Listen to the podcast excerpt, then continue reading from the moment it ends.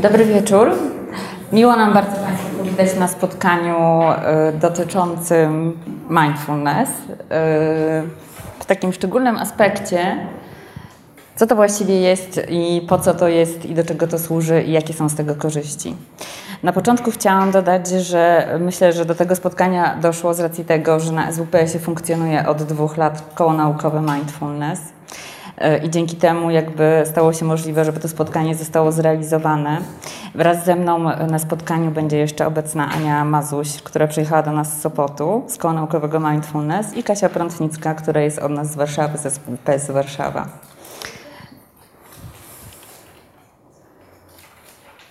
Na początek chciałam powiedzieć, przedstawić taki krótki rys historyczny mindfulness w Polsce jest znane stosunkowo niedługo. Y, pierwsi nauczyciele pojawili się w Polsce w 2011 roku.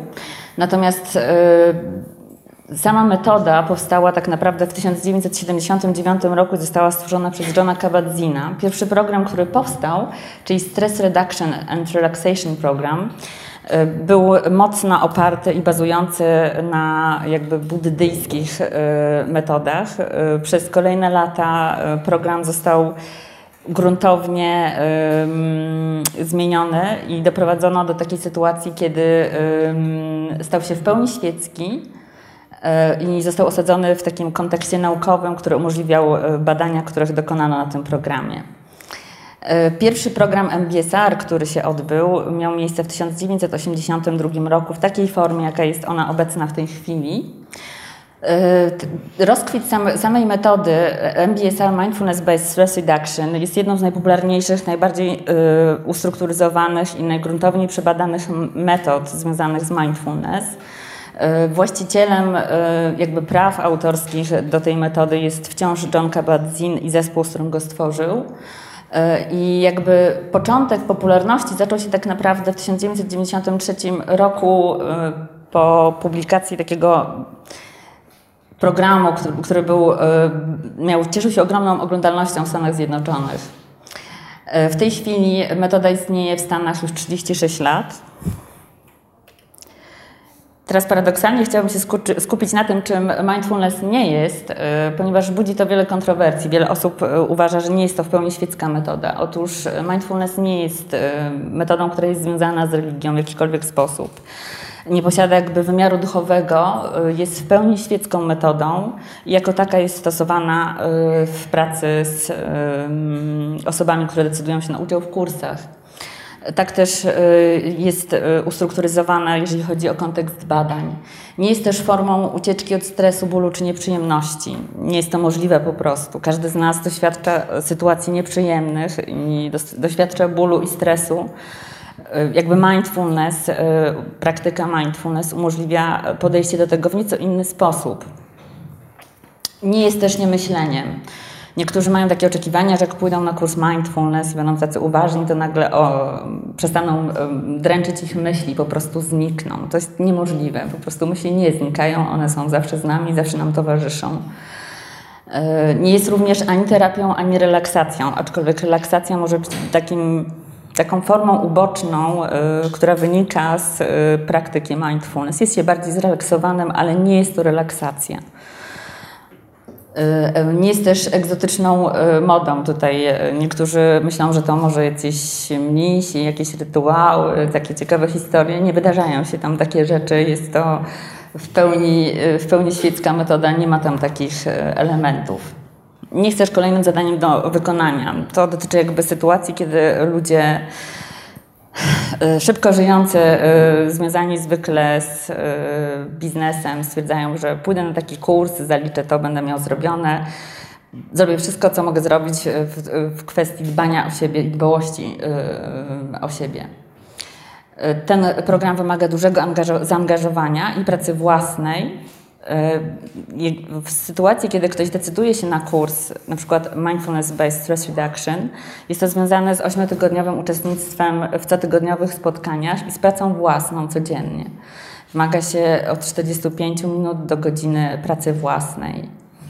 I co to jest ten mindfulness? To jest taka formuła, która pojawia się na większości stron nauczycieli mindfulness dokładnie w takiej formie, ale w albo w nieco innej, ale generalnie jej sens jest zawsze taki sam, że jest to szczególny rodzaj uwagi świadomej, nieosądzającej i skierowanej na bieżącą chwilę.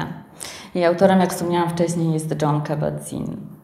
W związku z tym, że mindfulness jest przede wszystkim tak naprawdę praktyką, a nie mówieniem o tym, czym ono jest, chciałam Państwu zaproponować teraz krótką, e, bardzo krótką e, formę praktyki.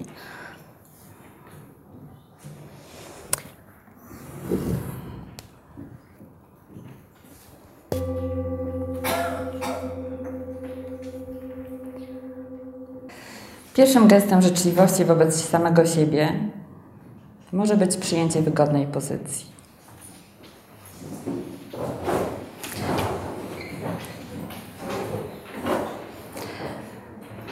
Usiądź na krześle bez opierania się o nie plecami.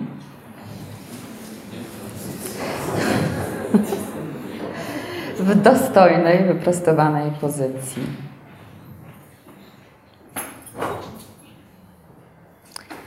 Stopy postaw płasko na podłodze. Kolana ustaw obok siebie bez skrzyżowania nóg. Jeśli chcesz, to zamknij oczy.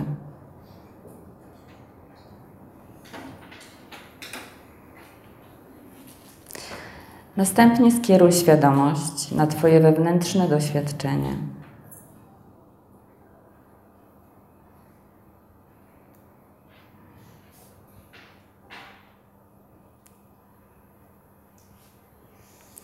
Zobacz, czego doświadczasz w tej chwili.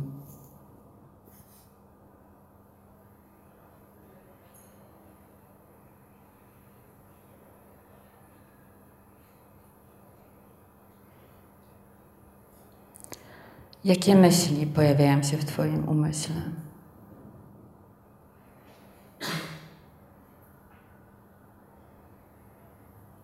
Zauważ je takimi, jakie są nie staraj się sprawić, aby były inne, niż je odbierasz.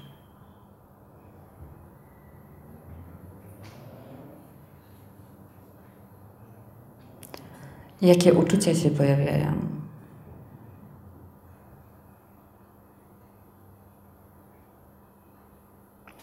Zauważ je takimi, jakie są. Jakie wrażenia z ciała się pojawiają?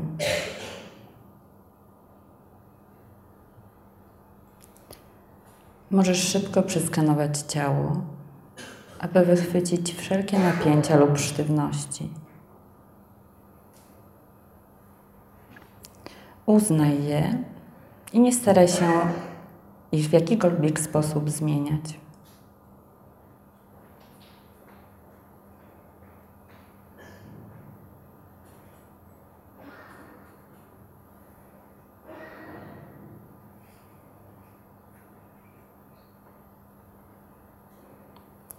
Teraz skieruj uwagę na wąski obszar fizycznych doznań związanych z oddechem.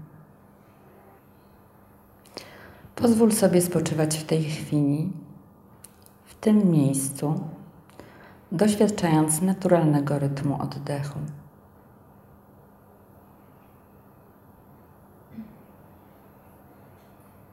Spoczywaj w tej chwili, w tym miejscu.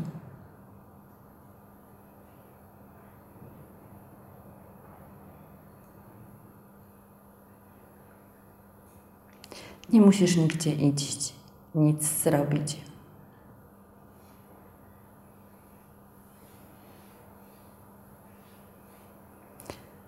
Czy czujesz, że ubranie nieco się porusza razem z oddechem?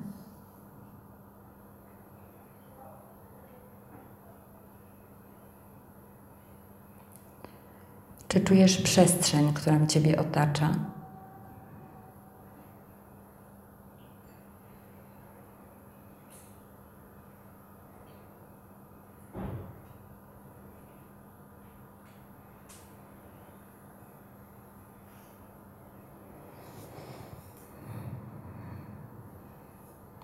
Wyobraź sobie, że Twój umysł wpada w ciało i spoczywa w nim.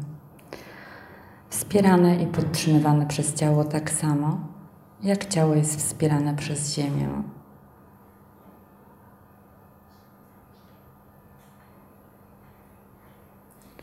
Umysł jest spokojny, nie musi nigdzie iść, nic zrobić.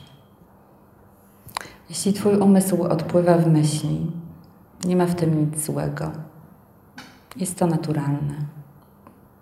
Zwyczajnie zauważ to i wróć do oddechu.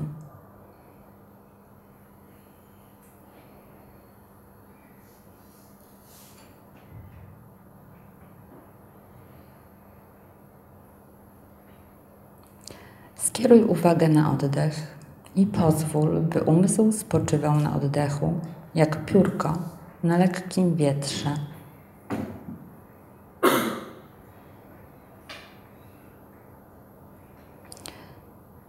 Umysł może uczyć się od ciała. Ciało wypuszcza oddech i rozluźnia się.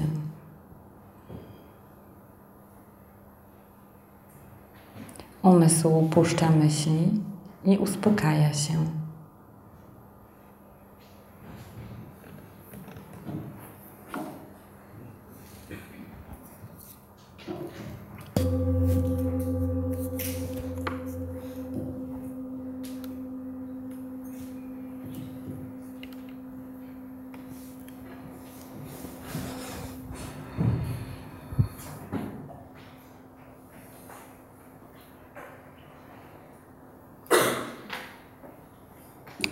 To, co mnie osobiście najbardziej porusza, jeżeli chodzi o mindfulness, to to, że y, praktyka uważności powoduje powstanie przestrzeni, która umożliwia um, niereagowanie nawykowe.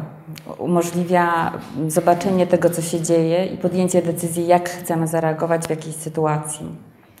Nie, y, nie jesteśmy jakby uwarunkowani naszymi nawykami. To jest taki bardzo piękny cytat z Frankla, który osobiście bardzo lubię, pozwalam sobie go przytoczyć. Tak jak mówiłam przed, przed chwilą, w sytuacji, kiedy pojawia się bodziec, zwykle reagujemy nawykowo. Jeżeli pojawia się bodziec, y, który powoduje w nas gniew, po prostu jesteśmy gniewni. W sytuacji, kiedy mamy do czynienia z mindfulness i praktyką uważności, zauważamy, że mamy podwyższone ciśnienie, nasz oddech staje się szybszy, mamy spięte plecy. Widzimy, co się dzieje i wiemy, jaka będzie sytuacja za chwilę. Wiemy, jak zwykle reagujemy w takich sytuacjach, i wówczas mamy taką szansę, żeby zdecydować, czy chcemy zareagować tak jak zwykle, czy po prostu widzimy, co się dzieje, dostrzegamy to takie, jakim jest. Nie robimy sobie wyrzutów z tego powodu, że jesteśmy gniewni, bo to się ludziom zdarza i takie, tak to po prostu wygląda, tylko dostrzegamy to Możemy skoncentrować się na oddechu, możemy zareagować tak, jak chcemy. Nie jesteśmy zmuszeni do tego, żeby reagować w sposób nawykowy.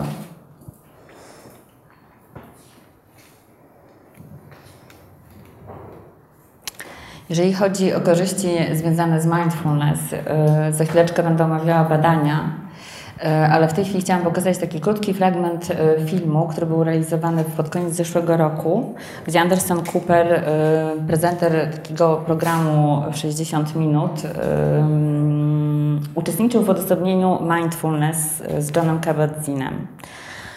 I po siedmiu dniach trwania tego odosobnienia y, y, został zaproszony do tego, żeby usiąść y, i żeby pozwolił na to, aby zbadać, jak funkcjonuje jego mózg. Chciałam Państwu puścić ten króciutki fragment. Since attending the mindfulness retreat, I'd been meditating daily and was curious to see if it had an impact on my brain. We're going to have you start with thinking of something that was very anxiety provoking for you. Okay. When I thought about something stressful, the cells in my brain's posterior cingulate immediately started firing, shown by the red lines that went off the chart on the computer screen. Just drop into meditation. Okay. When I let go of those stressful thoughts and refocused on my breath, within seconds the brain cells that had been firing quieted down, shown by the blue lines on the computer. That's really fascinating to see like that. Teraz yy, pojawia się na ekranie opis tego, co się tam wyda, znaczy tłumaczenie tych słów, które, które padły.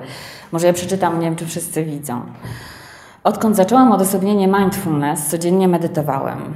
Byłem ciekawy i chciałem zobaczyć, czy ma to jakiś wpływ na mój mózg. Judson Brewer.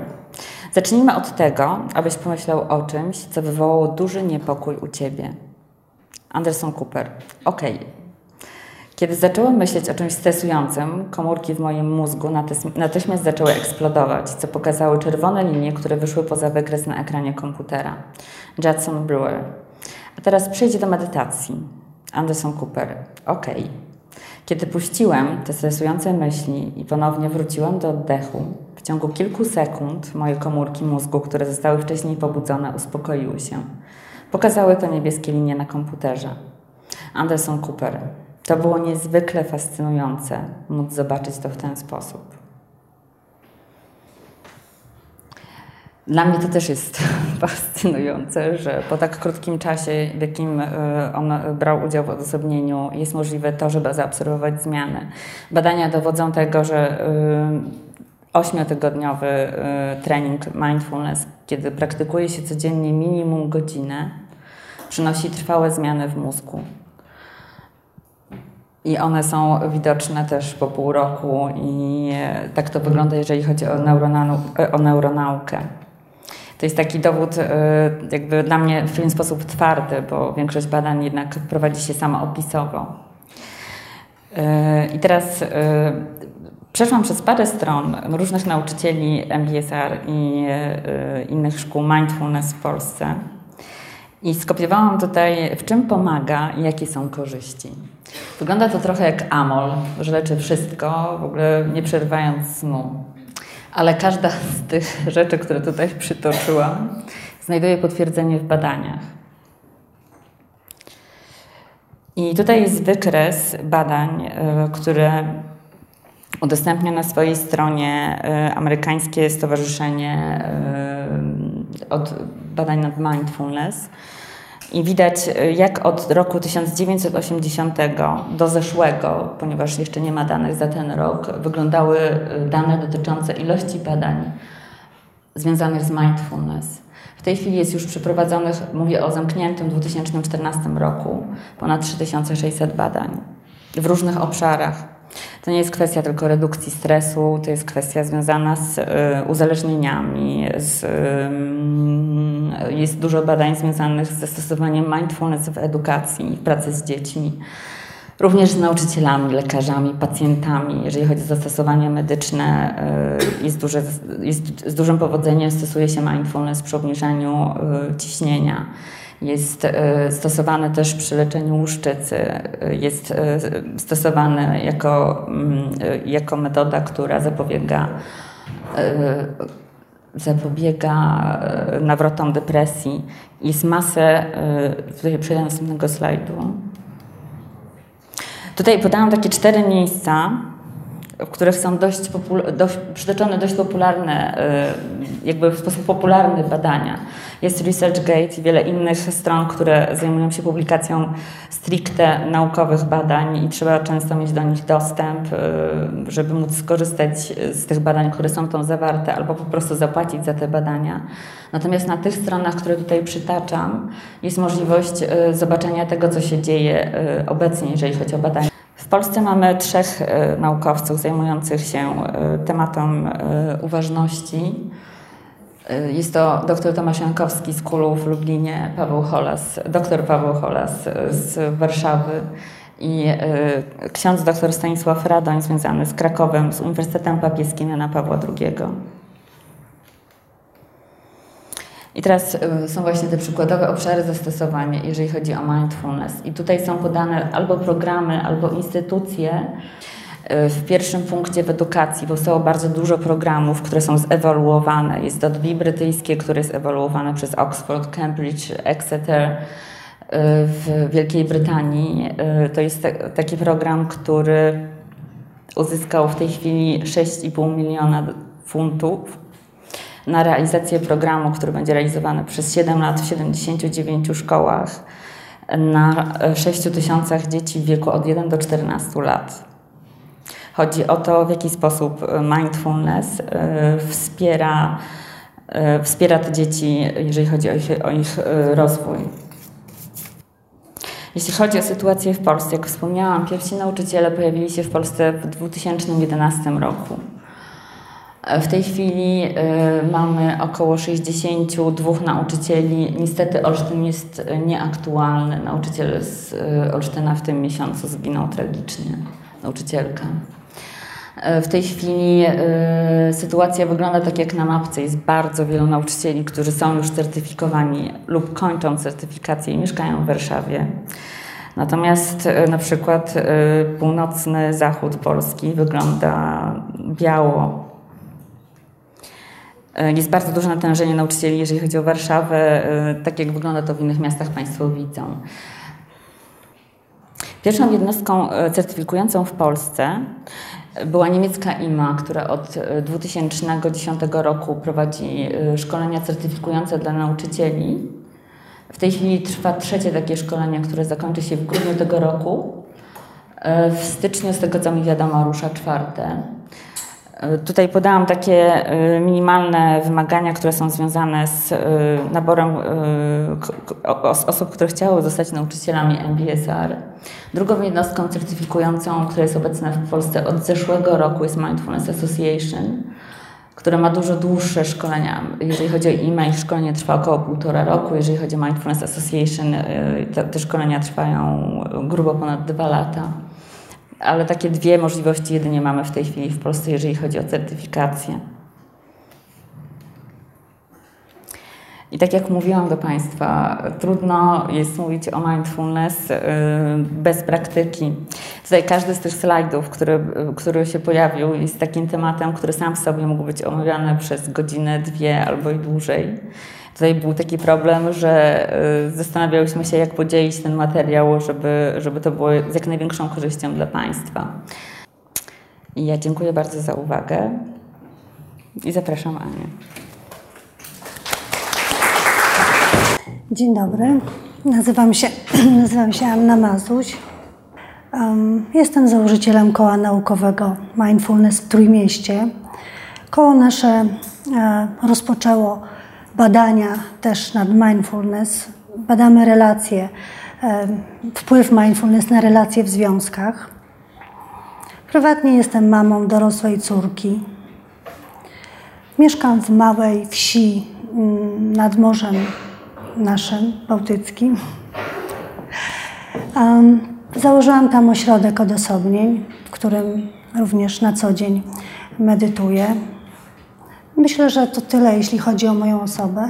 A teraz początkowo nawet miałam taki zamiar, zamiar nie przygotowywać żadnej prezentacji dla Państwa i pomyślałam sobie, że właśnie tak jak to jest w mindfulness, e, zostanę z tym, co, czego będę doświadczała, z uczuciami, z tym stresem właśnie, który mnie gdzieś tam trzyma w środku, ale y, zabrakło mi odwagi, jednak przygotowałam się trochę.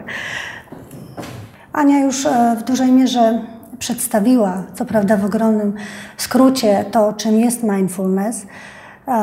Jedną z definicji potocznych, z którym się spotykamy, jest to świadome bycie z tym, co się dzieje, wtedy, kiedy się to dzieje i bez preferencji, bez oczekiwań, bez nastawienia do tego, jak ma wyglądać e, sytuacja, jak powinny wyglądać nasze uczucia, które prezentujemy na zewnątrz. Oprócz przytoczonych i znanych definicji, zapewne każda osoba, która pracuje z mindfulness i zajmuje się tym, e, ma własną swoją, e, taka, która się tworzy w, toku praktyki. Dla mnie uważność jest przede wszystkim byciem w ciszy. Ja nieco później jeszcze powiem o tej ciszy trochę więcej. E, Natomiast e, w ogóle nie wyobrażam sobie, jak można rozwijać uważność, nie zaczynając od kontaktu z byciem w ciszy. Jest też próbą obserwowania tego, co się dzieje wewnątrz mnie, nastawieniem właśnie, by nie mieć oczekiwań, by nie preferować jakichś uczuć, e, które wydają nam się lepsze od innych, tak? że radość jest czymś lepszym niż złość.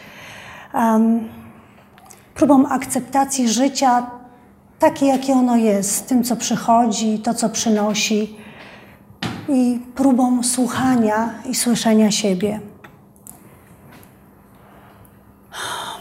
Tak jak już wcześniej Ania powiedziała, to jest e, mindfulness to nie jest rozmawianie o tym, czym ono jest, tylko jest doświadczaniem tego, co przeżywamy, tego, co jest w nas wewnątrz.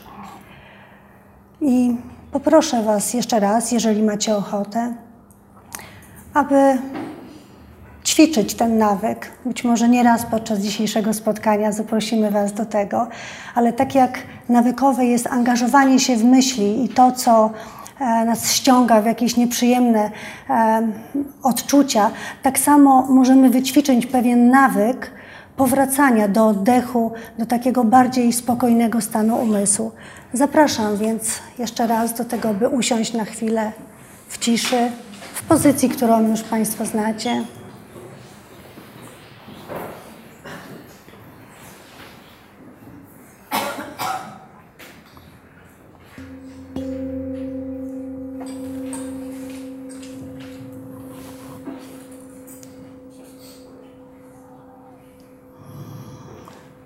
Weź głęboki oddech.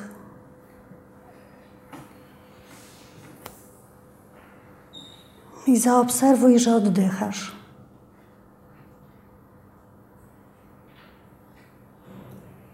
Zauważ, że jesteś tu, w tym miejscu,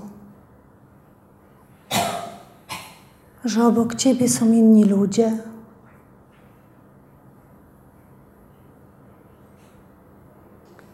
Że Twoje ciało dotyka krzesła.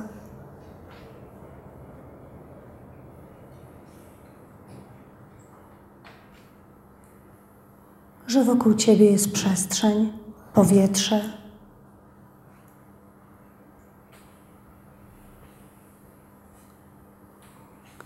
Zauważ, jak się z tym czujesz.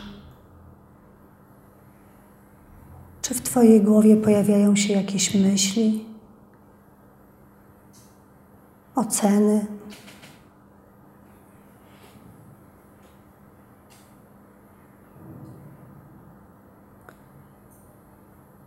A teraz powoli otwórz oczy i skup się na ekranie monitora. Skieruj tam całą swoją uwagę. Spróbuj zapamiętać, jak wygląda, jak go postrzegasz.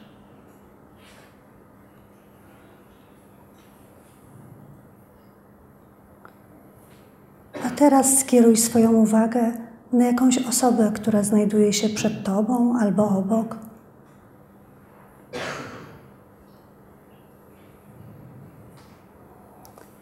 I tak samo bardzo dokładnie spróbuj zapamiętać to, jak wygląda, w jakiej jesteś relacji do tej osoby, jak ją postrzegasz.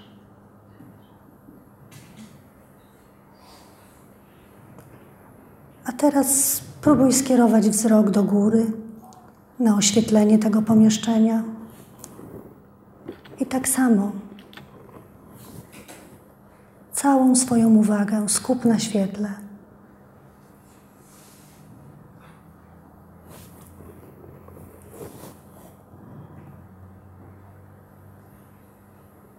Gdzie jest teraz Twoja uwaga? Nie obserwuj już dalej światła, powróć do siebie i pomyśl, czy pamiętasz bardzo dokładnie wrażenia pierwszej rzeczy, o której mówiłam, drugiej, czy też cała Twoja uwaga skupiła się w ostatnim momencie na świetle? Połóż teraz dłoń na kolano i spróbuj poczuć jakiekolwiek odczucia, takie jakie się pojawią. Zauważ, jaki kształt ma Twoja dłoń. Czy jest ciepła, czy zimna? Czy naciska na Twoje ciało? Spróbuj zaobserwować tak dużo, jak to możliwe.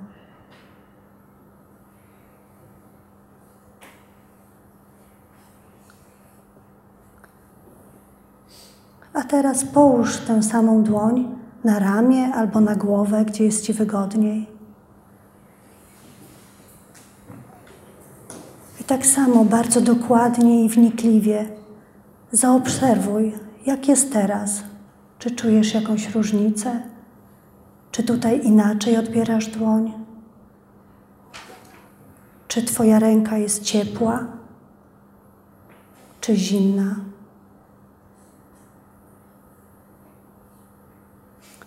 Czy skóra głowy ma jakiś inny kształt? Czy odczuwasz włosy? I powoli odłóż rękę z powrotem na miejsce. I znów zastanów się, gdzie jest teraz Twoja uwaga. Czy wraz z tym, jak mówiłam, przeniosła się w kolejne miejsce, czy cały czas była obecna w poprzednim miejscu? Czy wszystko jest tak żywe, jak wówczas, gdy Twoja uwaga była tam, w tych miejscach wcześniejszych, czy są one już tylko tłem i jakimś wspomnieniem? To wszystko pokazuje nam, w jak prosty sposób możemy przenosić uwagę tam, gdzie chcemy, by ona była obecna, szczególnie w sytuacjach bardzo stresujących, podczas choroby, podczas mm, jakiegoś wielkiego napięcia. Mając takie zasoby, takie wiadomości czy takie techniki, których się wyuczymy, możemy po prostu sobie pomóc. Możemy skierować ją w takie miejsce i uzyskać właśnie tę przestrzeń, która jest niezbędna do tego, by nawykowo nie reagować.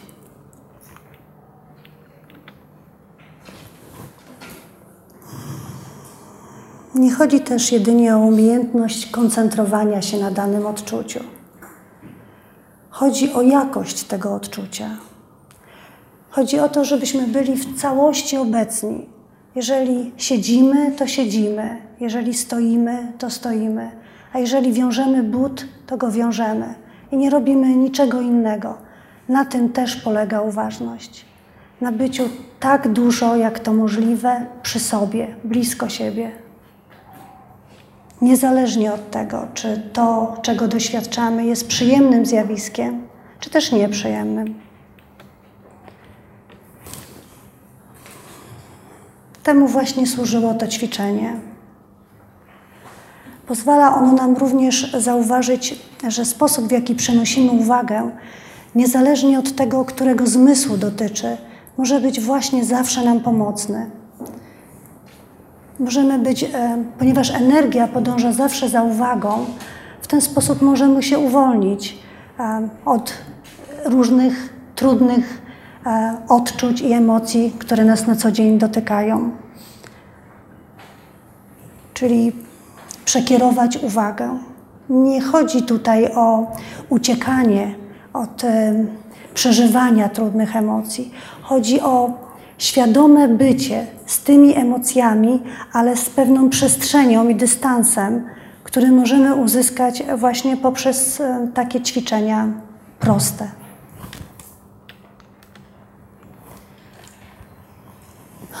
Kiedy próbujemy rozwijać uważność, nasze oczekiwania, to, żeby nam wychodziło, żeby było dobrze, żebyśmy na tej poduszce medytacyjnej siedzieli w taki sposób, jak siedzą mistrzowie, którzy siedzą na nich od wielu lat.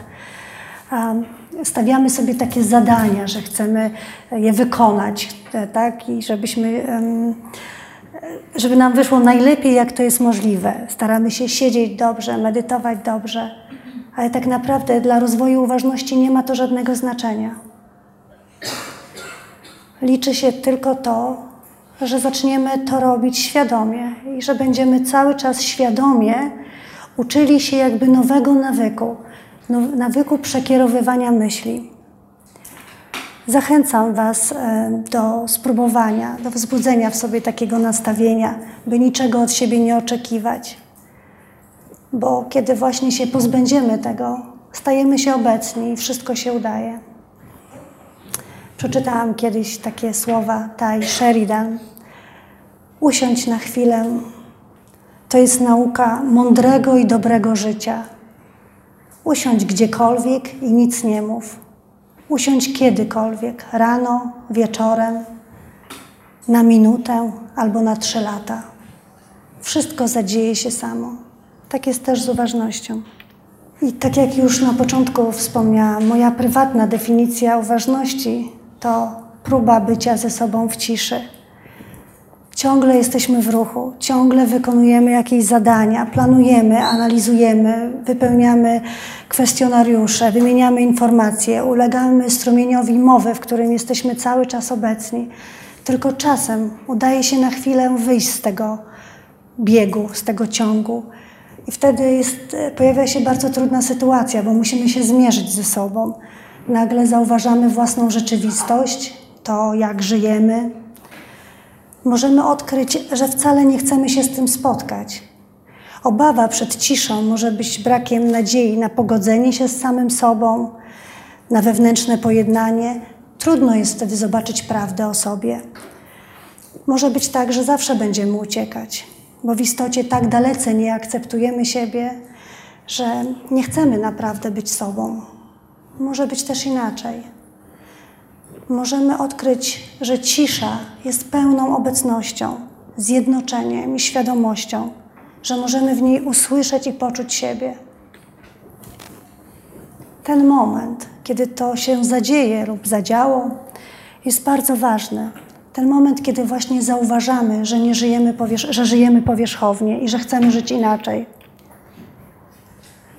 Może się zdarzyć, że zauważymy, że robimy to, czego nie chcemy robić, że mówimy to, czego w rzeczywistości nie chcemy nawet powiedzieć, albo pragniemy rzeczy, których wcale nie potrzebujemy, albo marnotrawimy energię na jakieś nieistotne dla nas sprawy. Kiedy damy sobie taką możliwość, kiedy rozpoznamy, że tak właśnie jest w naszym życiu, być może potrafimy stanąć wobec faktu, że nie interesuje nas cały ten zgiełk i zapracowanie. Kiedy pozwolimy sobie pobyć w ciszy, być może nasze ciche ja znajdzie przestrzeń, by się ujawnić i przypomni nam o sobie, przypomni nam o tych naszych prawdziwych potrzebach. Według mnie tam właśnie może zaprowadzić nas cisza. Możemy tam dojść w głębokiej, spokojnej, wewnętrznej ciszy. Cisza, rozumiana jako uważność, zakłada otwartość na to, czego nie znamy i stopniowo, powoli przygotowuje nas do wejścia na inny poziom życia, do zmiany, do poszerzania świadomości. Jeśli pozwolimy sobie na to, pomoże nam zebrać rozproszone i roztrwonione siły naszej egzystencji i skoncentrować się na tym, co w życiu najważniejsze. To jest takie proste i tak niezmiernie trudne zarazem. Podobnie jest z górami, jeśli ktoś lubi spacerować. Stojąc na, u podnóża góry, wydaje nam się, że to niemożliwe, że na nią wejdziemy. A jednak idąc krok po kroku, dochodzimy w końcu na szczyt. Dla mnie też uważność jest prawdą wewnątrz i miłością do siebie. Być może zanim się pojawi miłość, powinno się pojawić współczucie, a może pojawiają się te uczucia razem. Myślę, że dzięki nam samym i twórczej mocy ciszy, dzięki uważnemu życiu, możemy właśnie uzyskać to wszystko, o czym mówiłam: wewnętrzny spokój, autentyczne poczucie bezpieczeństwa. Możemy rozumieć siebie w relacji do siebie samej, w relacji do innych. I możemy też postrzegać życie z takiej bezstronnej, wyważonej perspektywy. Uważność pozwala nam dostrzegać rzeczy, których w codziennym biegu nie zauważamy. Pozwala się godzić na to, czego w sobie nie akceptujemy. Prowadzi do rozwoju świadomości, ułatwia życie i poprawia jego jakość.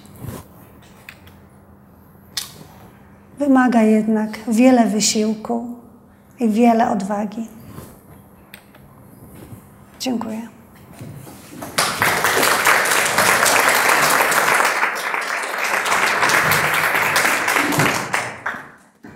Witam Państwa bardzo serdecznie. Ja nazywam się Katarzyna Prątnicka.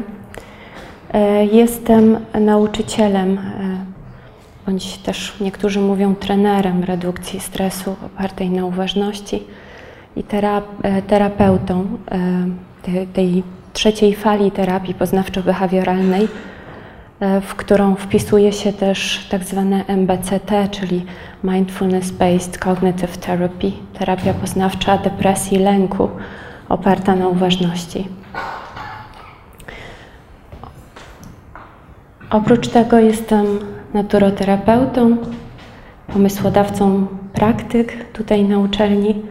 Prowadzę je już od ponad roku. Wcześniej inicjowałam bądź współrealizowałam również e, praktyki, spotkania w, na Uniwersytecie Kardynała Stefana Wyszyńskiego, na Uniwersytecie Warszawskim w Szkole Głównej Handlowej. E, to, co jest moją dziedziną, o tym pozwolę sobie Państwu dzisiaj powiedzieć i czym dla mnie uważność jest.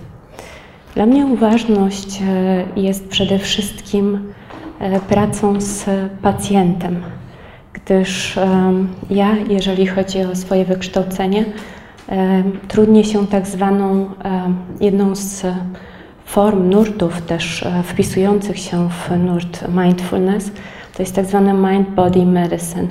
I to jest tak naprawdę ten klasyczny trening redukcji stresu oparty na uważności, który został przeformułowany, a właściwie jest tym pierwotnym programem Johna Kabat-Zina, E, dla pacjentów psychosomatycznych, onkologicznych.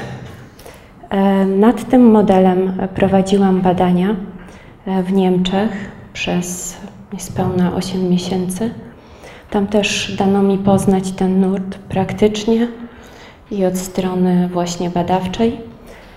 I pozwoliłam sobie to zaszczepić również tutaj u nas w Polsce i teraz w projekcie E, który jest pod patronatem Polskiej Akademii Nauk, prowadzimy e, darmowe badanie pilotażowe, tak aby umożliwić to pacjentom również w Polsce. To, o czym chciałabym powiedzieć, to są moje badania. Między innymi, tak jak mówiłam, e, prowadziłam projekt badawczy, projekt badawczy nad nurtem Mind Body Medicine i badałam e, to, co się zadziewa w pacjentach e, w terapii, która trwa o miesiąc dłużej aniżeli kursy tradycyjne dla osób zdrowych. E, trwa trzy miesiące i tak naprawdę mm, pacjent przychodzi nie tak jak jest na treningach redukcji stresu opartych na uważności gdzie osoby zdrowe przychodzą raz w tygodniu na 2,5 godzinki i praktykują pomiędzy. Natomiast pacjenci przychodzą zazwyczaj na pełen dzień, jeżeli są w opiece stacjonarnej bądź tak zwanej klinice dziennej. To, co mnie interesowało, to tak naprawdę to, e, czy poprawia się dobrostan pacjentów, bo to, że mamy zachorowanie, E, to, o czym Państwu też powiem, e, z czym pracujemy, jeżeli chodzi o uważność, to często wydaje się być kwestią często stałą, tak? bo te programy są te, które zostały rozwinięte przez Johna Kabat-Zina i te, które są ukonstytuowane już w Europie Zachodniej i refundowane przez kasy chorych, to są tak naprawdę terapie i terapie, dla pacjentów z bólem chronicznym, czyli z czymś stałym, z fizyczną kondycją stałą. I teraz to, na co mamy wpływ, to jest ten komponent umysłu. I to, co, dlatego też to, co mnie interesowało, to jest właściwie to, w jaki sposób jakość życia może się polepszyć, niezależnie od stanu doświadczanego. Czyli jak być obecnym tu i teraz ze wszystkim, co jest.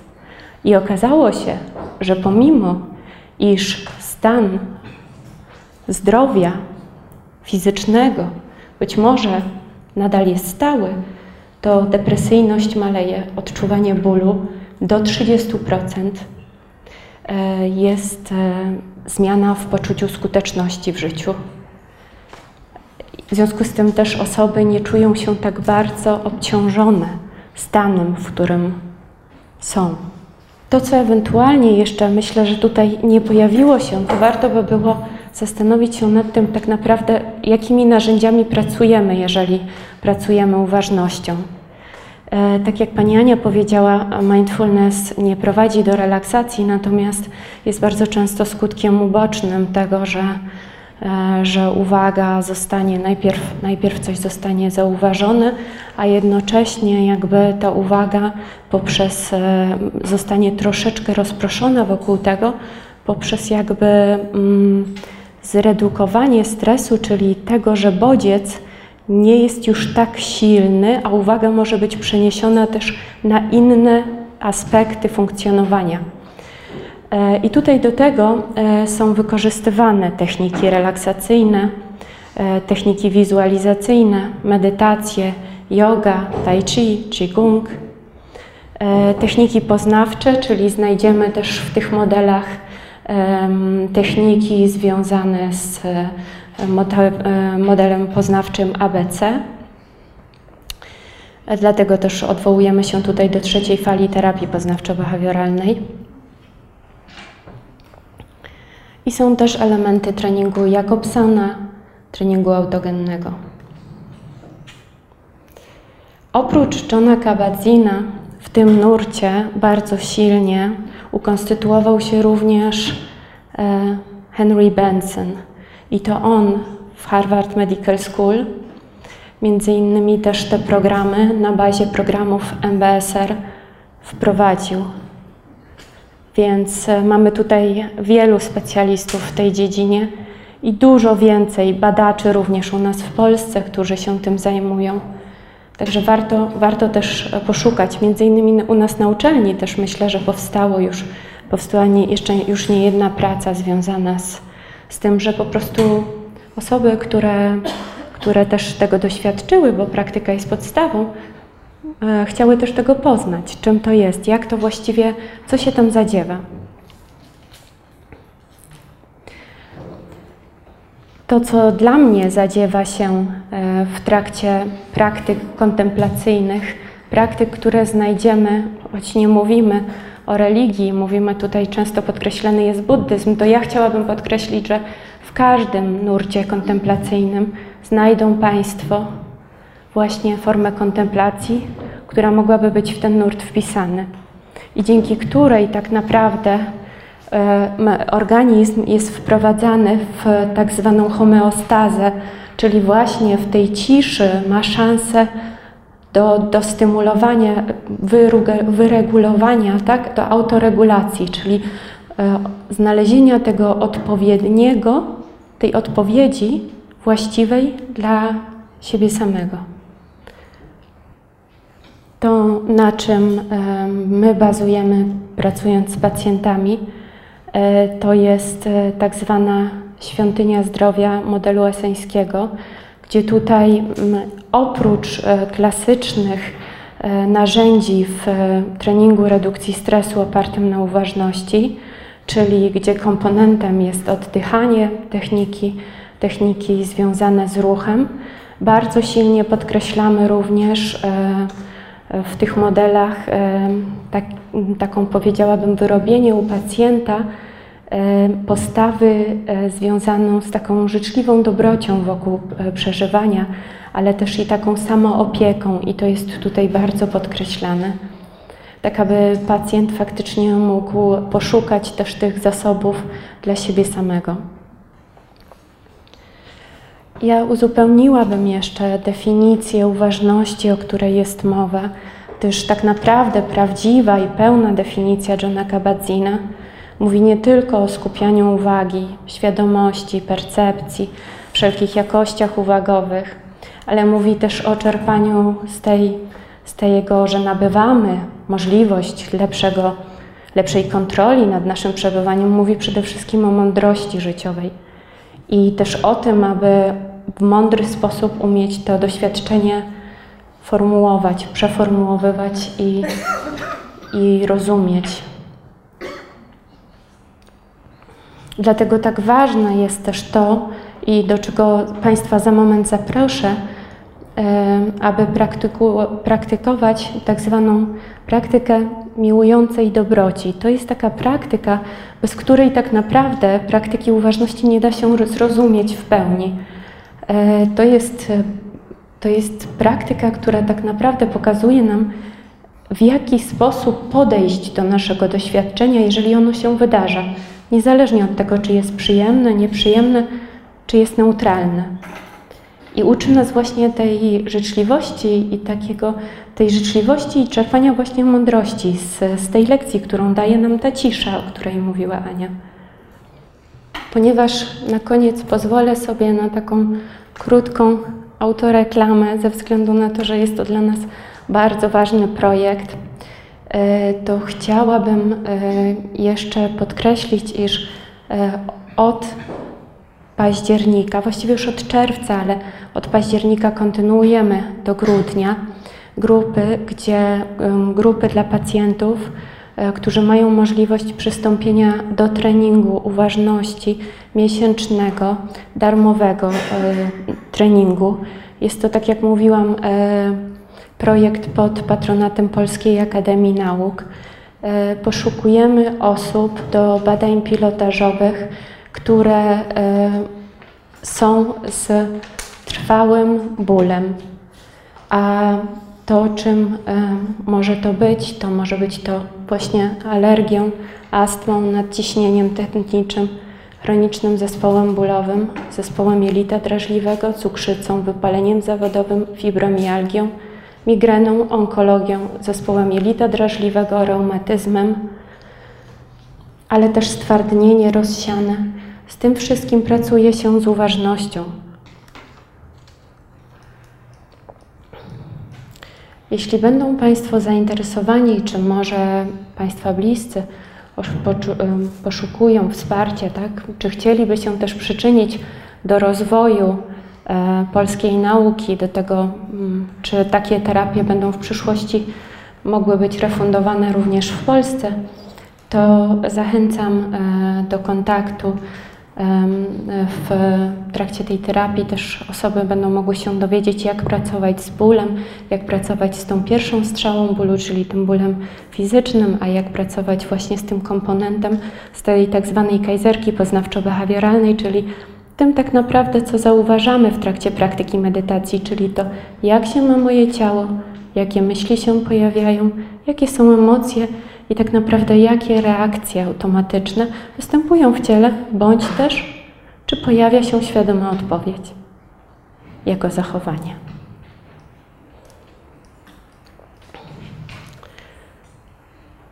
Także chciałabym jeszcze raz podkreślić, że zapraszam serdecznie do kontaktu.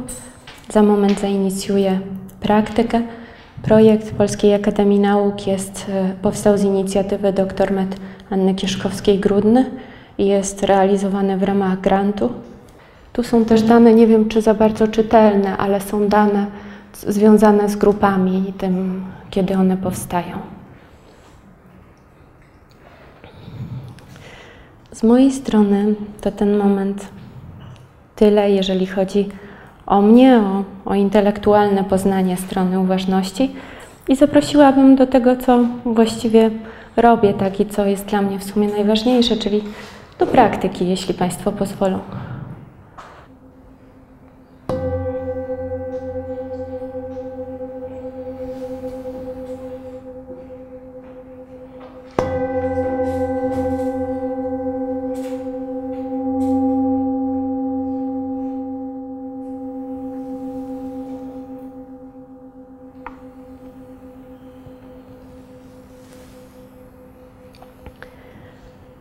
Zapraszam Cię zatem do praktyki miłującej dobroci.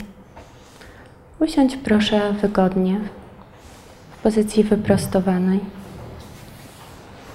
tak aby kręgosłup mógł swobodnie spocząć, jednocześnie aby nie opierał się, tak aby każdy z nas miał oparcie, znalazł to oparcie w samym sobie, aniżeli w krześle.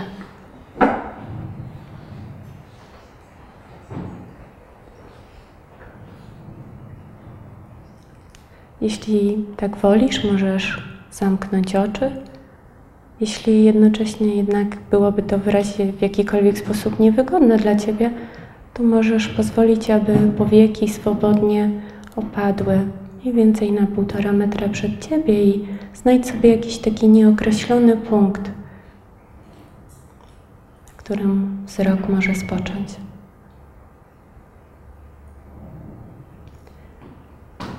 Pozwól teraz sobie na skontaktowanie się z samym sobą, samą sobą.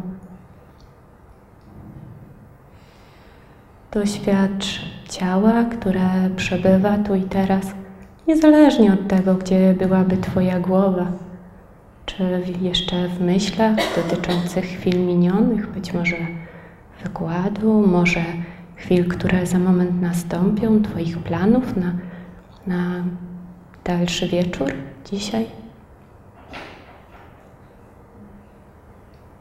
Uświadom sobie to, jak się ma moje ciało w tej przestrzeni, jaki ma kształt. Czy czuję stopy stabilnie na podłożu? Czy gdzieś w ciele są obecne jakieś napięcia? Być może możesz pozwolić, aby delikatnie odchodziły w przestrzeń Twojego umysłu wraz z każdym wydechem. Wdech, być może zauważysz delikatny wysiłek i to, że pewne części, które są być może jeszcze napięte, ujawniają się. I wydech pozwól, aby wraz z nim wszelkie napięcia odpływały, wszelkie lęki, troski, myśli, zmagania.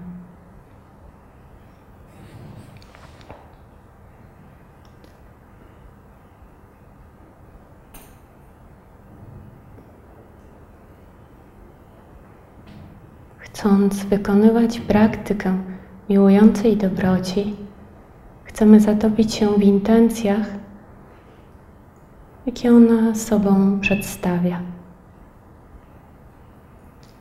Dlatego zwróćmy się teraz w okolice naszego serca i zaczerpnijmy kilka oddechów w to miejsce, uwalniając się od bieżących zmartwień.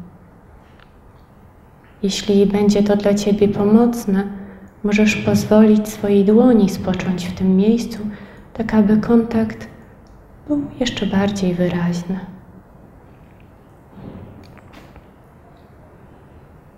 Puść wszelką kontrolę.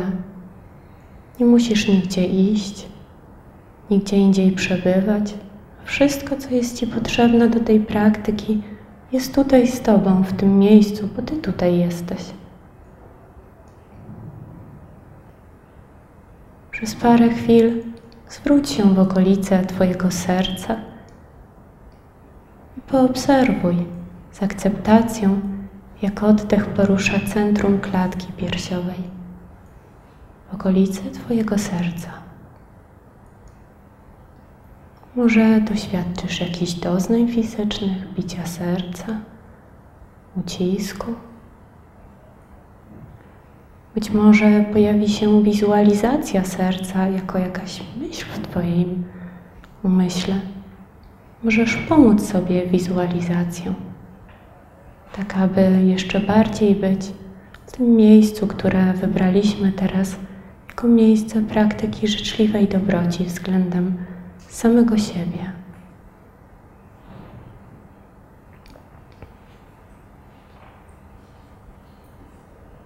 Wraz z każdym wdechem rozpoczniemy teraz praktykę, siedząc w spokoju, powoli w myślach będziemy powtarzać. Niech będę szczęśliwy, szczęśliwa. I wraz z wydechem pozwól, aby ten stan coraz bardziej pojawiał się w Twoim ciele. Wraz z wdechem zaczerpnij słowa niech będę zdrowy, zdrowa. A wraz z wydechem pozwól, aby ten stan był obecny w Twoim ciele, umyśle, być może emocjach. Wraz z wdechem wypowiadasz ku sobie słowa Niech będę bezpieczny, bezpieczna, a wraz z wydechem ten stan spoczywa w Twoim ciele, w nowej jakości, którą przeżywasz.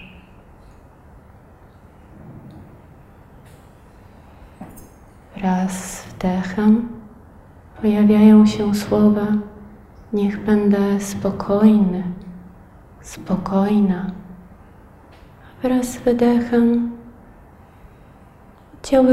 tych słów rozprzestrzenia się w Twoim ciele i umyśle. W trakcie tej praktyki mogą pojawić się inne uczucia, być może sprzeczne, może niezgoda, opór, złość czy smutek. Czasem trudno jest życzyć sobie dobroci, miłości, być przyjacielem dla siebie samej czy samego.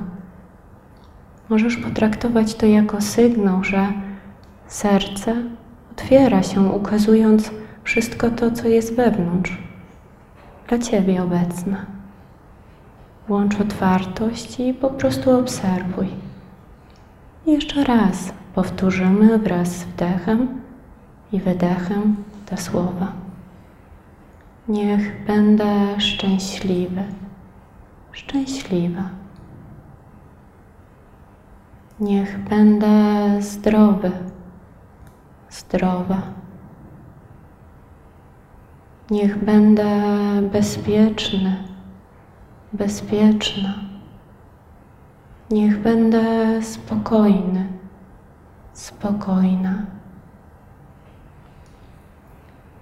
Zaproszę Cię teraz do domknięcia tej praktyki, tak aby być może na koniec mogła wybrzmieć takie, taka myśl czy życzenie, które Ty sam, sama sobie chciałabyś podarować. Co mogłoby to być?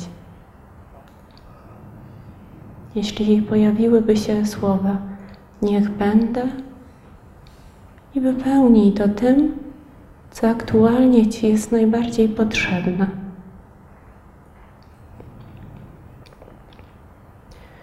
Jeśli pojawi się może w trakcie takiej myśli, jakaś też taka myśl, nie mam prawa do, to możesz zastąpić tą myśl, zasługuje na i wypowiedzieć to, co jest głęboko skryte w Twoim sercu.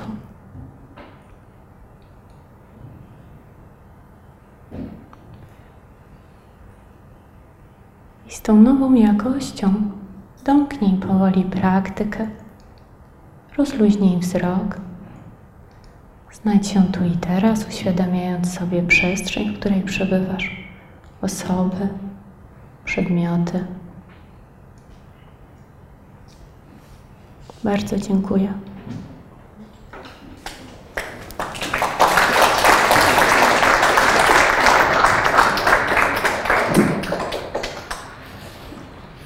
Ja mam pytanie do Pani Katarzyny zwłaszcza. E, Jaka jest e, specyfika pracy na przykład z osobami z hipersomnią przy mindfulness? Bo mam wrażenie, że czy w ogóle mindfulness jest e, dla osób, które właśnie są na granicy, znaczy, które mają problem z hipersomnią i z takim ła- łatwym że, że wchodzeniem w stan uśpienia.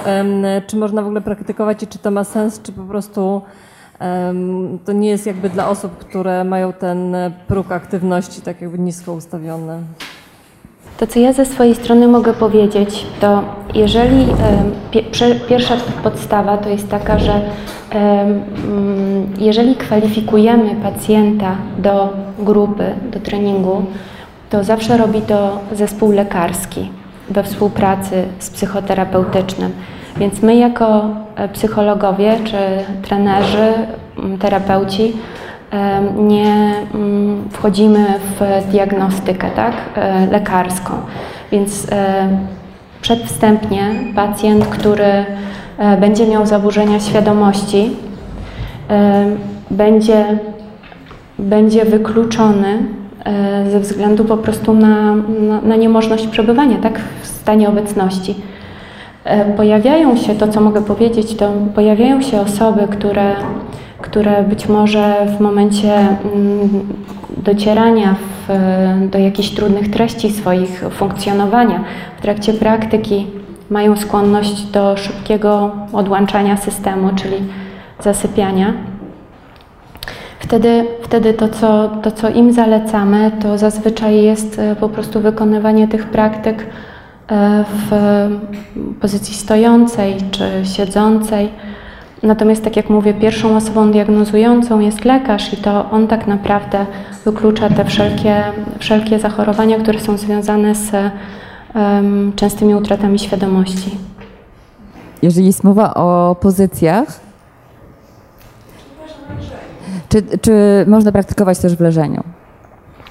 Więc tak, y, są praktyki, które są zalecane jako praktyki w leżeniu, a te, które są bardziej zalecane jako praktyki chociażby z nazwy medytacji siedzącej na przykład.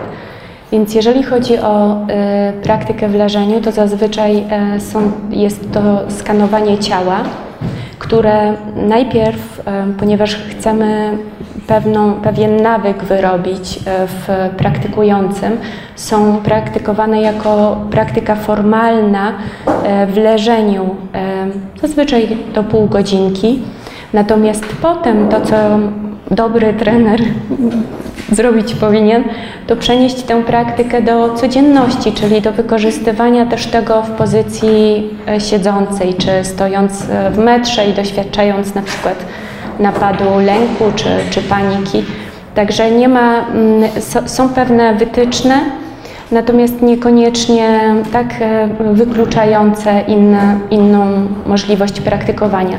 Jeżeli chodzi o praktykę leżącą, to też elementy pracy z ciałem e, w ruchu. Tutaj bardzo często używamy jogi, więc, e, więc to, to jest to, co mogę.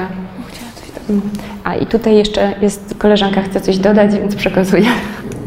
Wydaje mi się też, że e, pomijając osoby, które mają zdiagnozowane schorzenia, ale bardzo często na kursach, e, kiedy pojawiają się osoby na kursach MBSA, e, zdarza się tak, że ludzie zasypiają i nie ma w tym niczego złego. Nie, oczywiście nie jest to celem, żeby usnąć i odpocząć, natomiast za każdym razem, kiedy kursanci ćwiczą, w pewnym momencie pojawia się taka chwila, kiedy przestają zasypiać i u każdego odbywa się to we własnym czasie.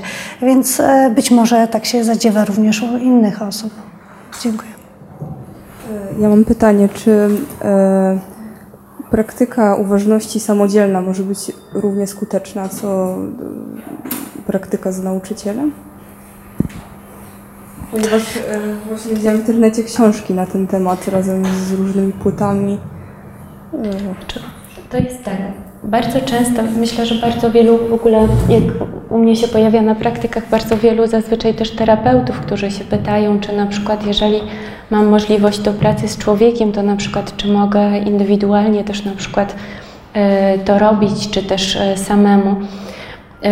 Z racji tego, że, pre, że techniki są mało skomplikowane, to narzucają taką myśl, że, że to w sumie jest e, nic e, trudnego, żeby wykonywać to samemu. Na pewno jest też tak, że zachęcamy po treningach, aby mm, wykonywać tę praktykę, tak? I to, to stanowi o efektywności, tak naprawdę to, co wysiedzimy sobie na poduszce każdego dnia. Ale to, co jest ważne podkreślenia w tym e, własnym doświadczeniu i tym wykonywaniu na własną rękę ćwiczeń, to jest to, co może się w trakcie tej praktyki pojawić. Bardzo często pojawiają się różne doświadczenia ze struktury niejawnej świadomości umysłu, tak? I to, co się pojawia jako skutek ćwiczeń, e, zaryzykowałabym stwierdzenie, że warto jest e, skonsultować, jeżeli otworzy się coś, co jest e, doświadczeniem jakimś e, wartym, wartym dyskusji, tak, czy, czy, czy rozmowy z trenerem, nauczycielem. Bardzo często też warto zaryzykować, powiedzmy, taką rozpoczęcie w dobry sposób praktyki, to znaczy nauczenie się chociażby choć są filmiki oczywiście na YouTube, które pokazują właściwe pozycje medytacyjne, tak? to jak zadbać o swoje ciało, tak aby ono faktycznie nie przeszkadzało nam w trakcie e, praktyki, też nazwijmy to tak kolokwialnie. Więc oczywiście tym się możemy też posiłkować, ale warto też e, zaryzykować, tak jak mówię, spotkanie z, z osobą e, doświadczoną, tak aby ona wdrożyła nas też w ten proces, tak żeby wiedzieć, jak ze sobą pracować. I przekazuję. Dziękuję. Dziękuję.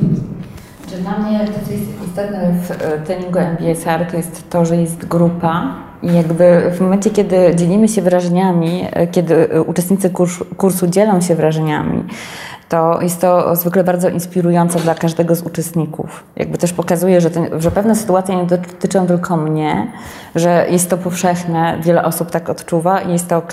I yy, to jest też związane z takimi wysokimi wymaganiami w stosunku do siebie, że coś robię niewystarczająco dobrze, albo może niewłaściwie, albo może mógłbym lepiej, albo, albo mm, narzucać się sobie samemu y, jakąś inną powinność, którą być może w naszym mniemaniu powinniśmy zrealizować przez tą praktykę. I nagle słyszymy, że ktoś też usnął, albo że ktoś też y, miał problem z tym, żeby y, wyjść poza swoje własne myśli i to jest naprawdę bardzo pouczające, kiedy mamy możliwość uczestniczenia w tym, współdzieleniu się tym, co się wydarza w trakcie praktyki. A jak robimy to sami, to jesteśmy tego pozbawieni. Mam jeszcze jedno pytanie, e, bo nie do końca chyba to zrozumiałam. Czym ta, taka praktyka mindfulness różni się od medytacji? E, to zależy, mm, którą medytację mamy na myśli. Bo jeżeli mamy formalną buddyjską, jest to związane z y, lungiem, jest to związane z wyjaśnieniami nauczyciela, z tradycją duchową. Y, w mindfulness, tym, które jest stosowane w terapii, y, jest tak, że nie jest to praktyka, która jest związana z duchowością. Czyli ktoś bez względu na swoje wyznanie, czy jest katolikiem, czy jest muzułmaninem, czy jest jakiegokolwiek innego wyznania, może uczestniczyć w tej praktyce niezależnie od swoich światopoglądów.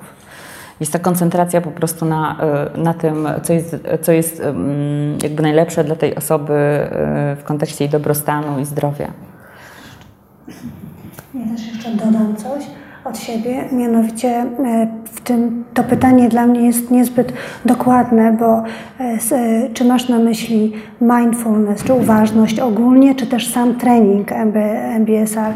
Bo jeżeli, jeżeli mówisz o mindfulness, to medytacja jest jakby częścią tak, e, całego tego procesu i to jest jakby wycięte. Natomiast sam trening to jest pewien układ e, e, zdarzeń e, wprowadzanych na każdym poziomie, czy przy kolejnym spotkaniu, podczas których zachodzi proces którym uczestniczy, tak jak Ania wspomniała, cała grupa. I zawsze medytacja pozostaje po prostu elementem. I sama medytacja nie różni się w tym momencie niczym od tej medytacji czy chrześcijańskiej, czy buddyjskiej, czy transcendentalnej. Tak? To jest, nie ma znaczenia, bo ty możesz medytować e, w sposób, który tobie najbardziej odpowiada, aczkolwiek sam, na samym kursie robi się to ściśle według wskazówek nauczyciela. Kasiu, czy ty też chciałaś coś dodać? To jeszcze może dodam. No to ważne pytanie. Jeżeli chodzi jeszcze y, o medytację, tak, to warto by było powiedzieć y, tutaj, że medytacja jako słowo jest bardzo szerokim terminem i tak naprawdę w to, tak jak y, wiele osób różnie rozumie, też nią tu się pojawia buddyzm, tu chrześcijaństwo, tak jakby są różne tak naprawdę genezy, które prowadzą właściwie do, do jednej rzeczy i do wielu różnych. Więc e, to, co się robi e, na e, kursach MBSR, to jest tak naprawdę praktyka wglądu, czyli praktyka uważności, ta na oddech, to jest praktyka, która ma nas centrować na bodźcu jednym wewnątrz nas i osadzeniu na jednym obiekcie jest praktyką koncentracji, a potem jest praktyką pracy z uwagą, z procesami poznawczymi na zewnątrz. I to tak na, na bazie procesów uwagowych można by było jakby tę medytację rozumieć. Natomiast e, nie są wprowadzane e, jakiekolwiek inne e, medytacje znane powiedzmy z różnych systemów filozoficznych, tak? Bardzo dziękuję. Ja mam takie pytanie, bo na przykład w Google, w firmie Google to uważności tej uczy buddysta Jeden z inżynierów był buddystą czy buddysta, ale tam dość istotnym elementem jest współczucie. Oni po prostu tak, najpierw jest uważność, oczyszczenie umysłu, później jest to, co pani bardzo ładnie y, pokazała, koncentracja na sercu, i potem z tego serca przechodzimy do współczucia. I oni potem to tak rozwijają, że ci młodzi ludzie na przykład, krótko mówiąc, robią projekt, jadą do Indii, zbierają pieniądze, budują szpital. I y, czy w mindfulness jest również element współczucia? Czy wie Pan co, jeżeli chodzi o mindfulness, to y, mamy tutaj dużo różnych y, metodologii, dużo różnych szkół, jest mindfulness based i jest dużo różnych odłamów tego. Są też takie, które, są, które mocno bazują na compassion i self-compassion. I też jakby powszechna jest tam właśnie loving kindness, czy ta miłująca życzliwość. I ten pierwotny program Mindfulness Based Stress Reduction jest, y, jest tam bardzo niewiele compassion. Natomiast są takie programy, które rzeczywiście w dużym stopniu bazują zarówno na compassion, jak i na self-compassion i to loving kindness też tam jest y, bardzo aktywne. Także to zależy tak naprawdę od o który, o której metodzie mindfulness mówimy. W Polsce najpopularniejszy jest MBSR, ponieważ jakby pierwszą jednostką certyfikującą, która weszła do Polski jest jednostka, która szkoli nauczycieli w MBSR-ze, czyli tym najstarszym, najdłużej funkcjonującym, ale tych metod w tej chwili jest bardzo wiele i one się dość istotnie od siebie różnią.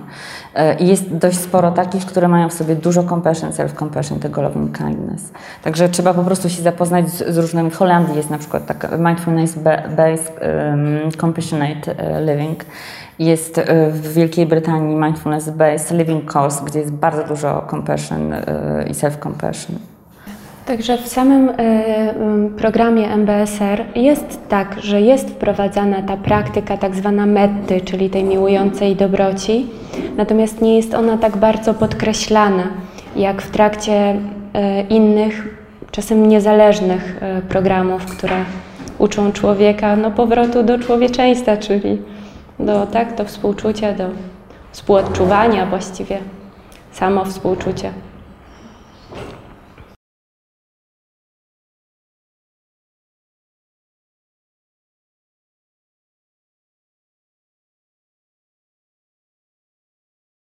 Oczywiście, że są strony stowarzyszenia, Polskie Towarzystwo Mindfulness, jest strona IMY, gdzie jak najbardziej można, to są certyfikowani nauczyciele i myślę, że to jest najważniejszą rzeczą, ponieważ dostali warsztat pracy taki, na którym można polegać, a to spośród nich można sobie wybrać osobę, która najbardziej nam odpowiada.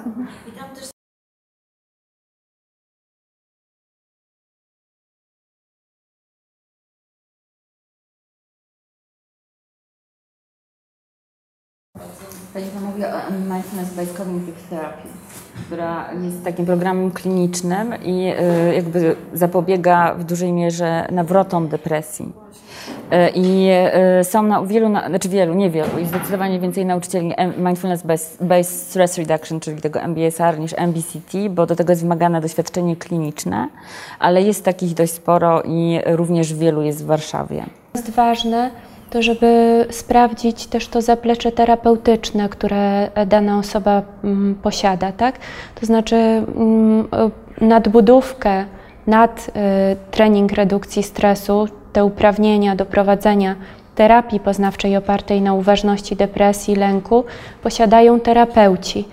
I jest wykaz tych terapeutów, między innymi na stronach jednostki szkolącej nauczycieli oraz terapeutów. To jest Fundacja Polski Instytut Mindfulness i tam e, u źródła można zweryfikować, kto jakie posiada uprawnienia. Nie ma adresu wszystkich nauczycieli. Ale można poprzez kontakt chociażby. Są, jest wykaz trenerów, jest wykaz terapeutów i można na pewno skontaktować się co do weryfikacji bezpośredniej, ponieważ oni są jedynym przedstawicielem wyłącznym na Polskę jedynej jednostki kształcącej aktualnie nauczycieli i terapeutów certyfikujących, czyli Instytut for Mindfulness Based Approaches. Lub właśnie na stronie tej IMY, tak? Mhm. IMA to jest jakby nadrzędna organizacja do Polim i tam są również nazwiska i imiona.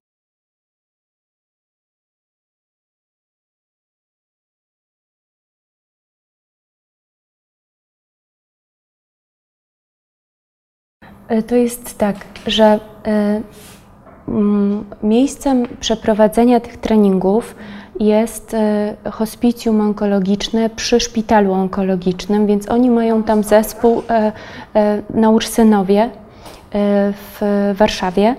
E, Oni mają zespół lekarzy, którzy na podstawie e, historii chorobowej e, kwalifikują do grupy. E, Musi być historia choroby albo też konsultacja z lekarzem, tak, wstępna, co do tego, czy lekarz wyrazi zgodę e, do. e, Tak, e, na miejscu, tak. Mhm. Tutaj, znaczy, to są szkolenia małpka fho.org.pl albo też telefon jest podany 544 0673.